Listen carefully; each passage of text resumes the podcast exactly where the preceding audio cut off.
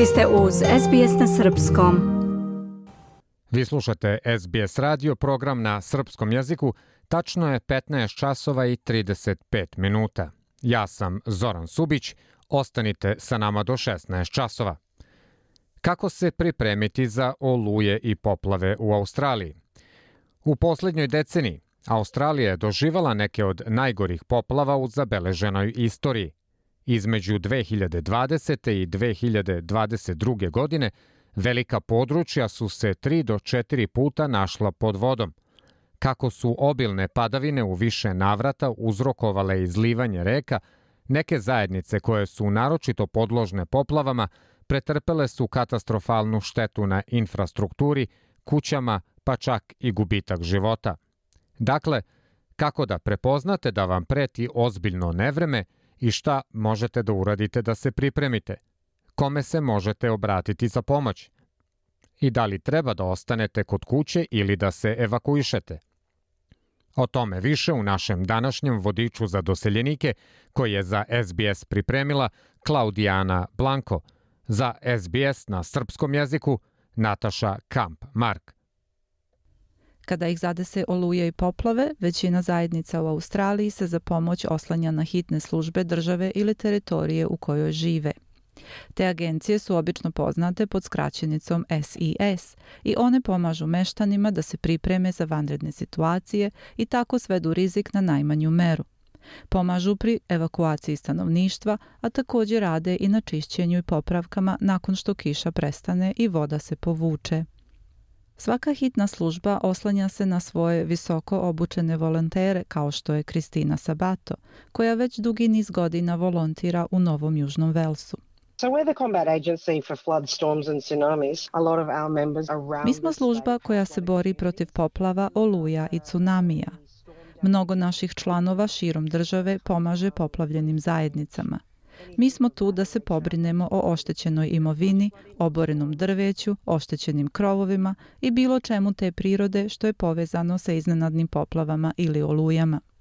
Volonteri SIS-a često idu od vrata do vrata i upozoravaju stanovnike na predstojeću jaku oluju ili poplavu. Oni pružaju stanovnicima informacije o procedurama i opcijama evakuacije. Oni mogu pomoći u zaštiti imovine ili infrastrukture, uklanjanjem opasnih predmeta ili pripremanjem vreća s peskom za izgradnju privremenih bedema za odbranu od poplave.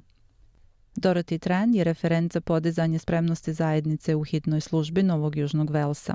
Ona kaže da je prvi korak priprema. Ljudi moraju da znaju koliki je nivo rizika na mestu gde se nalaze – pa da u skladu s tim razrade strategiju za hitne slučajeve sa detaljima šta će uraditi kada dođe do elementarne nepogode. Before people actually look at drafting a plan, they need to know why they're drafting their plan. What is their Pre nego što počnu da prave plan, ljudi moraju da znaju zašto ga prave, koliki je stvarni rizik tamo gde se nalaze, znaju li da li bi nevreme ili poplave mogle da pogode mesto gde žive, rade ili koje posećuju. Oluje mogu da pogode bilo gde, tako da je uvek dobro biti spreman za oluju. Što se tiče poplava, ako živite u blizini vodenih tokova, potoka, kišne kanalizacije, morate da vodite računa o tome gde bi ta voda mogla da teče i kako bi to moglo da utiče na vas, na kuću, kao i na svakodnevni prevoz do posla i povratak kući. Svi koji žive u blizini vodenih tokova uvek treba da budu obavešteni o vremenskim uslovima u slučaju da dođe do poplave. Aktuelna vremenska prognoza može da se prati preko aplikacija, internetskih stranica i društvenih medija Biroa za meteorologiju i SIS-a. Ljudi moraju biti spremni da postupe u skladu sa svojim planom za vanredne situacije pre nego što nivo vode poraste. Ako imaju decu, kućne ljubimce ili stoku, moraju da znaju kako i gde će ih odvesti na sigurno. U zavisnosti od stepena opasnosti, možda će morati da se evakuišu, U suprotnom, mogu da odluče da ostanu i brane svoju imovinu. U svakom slučaju, ljudi koji žive u područjima podložnim poplavama moraju prethodno da razmotre šta će im trebati i u skladu s tim da pripreme paket zaliha za hitne slučajeve. Do they need things like medication day to day? You probably need to consider your basic necessities, so having Da li im trebaju lekovi koji redovno uzimaju? Verovatno morate da uzmete u obzir svoje osnovne potrebštine, tako da imate rezervnu odeću, vodu i hranu. Ako imate kućne ljubimce ili decu u porodici, ponesite stvari za njih. Dakle, kućnim ljubimcima su verovatno potrebne stvari kao što su povoci, nosači, možda neka njihova hrana i poslastice.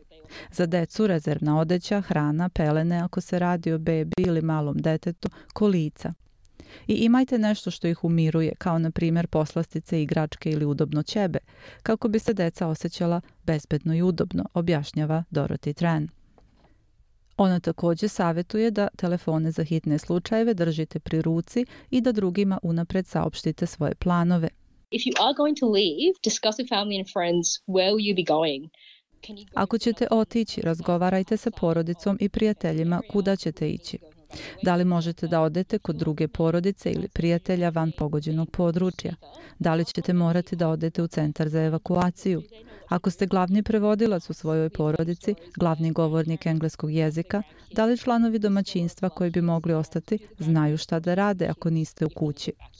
Čuli smo za priče u kojima baka i deda brinu o unucima kad pogodi poplava ili nevreme. Da li baka i deda znaju šta da rade sa decom ako treba da se evakuišu? Važno je da podelite i uvežbate vaš plan, kaže ona. Neophodno je spakovati i baterije, baterijske lampe, sveće, opremu za kišu, ćebad i sredstva za ličnu higijenu. Također i pribor za prvu pomoć, važna dokumenta kao što su pasuš i druga identifikaciona dokumenta, bankovni podaci ili podaci o osiguranju, kao i drugi vredni predmeti, kao što su vlasnički listovi za nekretnine ili porodične fotografije. Iako je glavna preporuka SIS-a da se ljudi evakuišu, neke iskusne žrtve poplava odlučuju da ostanu. Nicole Vossel živi u donjem toku reke McDonald u gradiću na obodima Sidneja. Njena dvospratna kuća već je plavljena četiri puta za dve godine. Pošto je njenoj porodici potrebno 3 do 4 dana da se pripremi za poplavu, oni prate vremensku prognozu preko aplikacije Biroa za meteorologiju i vode evidenciju vodostaja reke we all go and do a big grocery shop and stock up on all your tin food or your long life. Nakupujemo konzervirane hrane koja može dugo da traje u slučaju da ostanemo odsečeni. Moj suprug napuni sve kante za gorivo, tako da imamo dosta goriva pri ruci za generator kada ostanemo bez struje. Napunim kade vodom da imamo sveže vode za piće ili pranje. Postoji nekoliko jednostavnih koraka koje možete preduzeti da pripremite kuću za veliko nevreme. Tu spada čišćenje lišća iz oluka i odvoda kako bi se sprečila začepljenja, uklanjanje ili vezivanje svega što bi moglo da odleti na jakom vetru ili da otpliva. Popravite sva oštećenja na krovu, uključujući polomljene ili nedostajuće crepove. Once that's done, you start lifting things from downstairs up and then you Posle toga prenosite stvari iz prizemlja na sprat, a onda sklanjajte automobile, čamce i sve što možete da prikolicom prebacite na viši teren. Onda se zabarikadirajte i čekajte da vidite koliko će voda narasti. Kaže ona i dodaje da uvijek na dohvat ruke drži pojaseve za spasavanje i jedan mali čamac u slučaju da porodica mora da se evakuiše. Komunikacija sa spoljnim svetom je izuzetno važna. Pošto tokom poplava dolazi do prekida interneta, kao i fiksne i mobilne telefonije, neki ljudi koriste walkie-talkie, ali gospođa Vossel ima drugo rešenje. We've actually changed our internet provider to satellite, so we always have... Prešli smo na satelitski internet, tako da uvek imamo prijem, što je zaista neophodno. Kad nam nestane struje, zaista nemamo ništa a satelitsku antenu možemo priključiti na generator tako da i dalje radi. Volonterka SIS-a Kristina Sabato također preporučuje da ne parkirate vozila ispod drveća, blizu odvoda ili pored bilo čega što može da izazove štetu. Ona naglašava da je najvažniji savjet koji može da spasi živote da se ljudi ne voze kroz poplavne vode. Mutna voda možda prikriva krhotine ili oštećenja na putu, čak i vrtače, mogu postojati opasne podvodne struje ili bujice koje mogu da odnesu vozila. Također je važno da proverite da li je vaša polisa osiguranja važeća i adekvatna.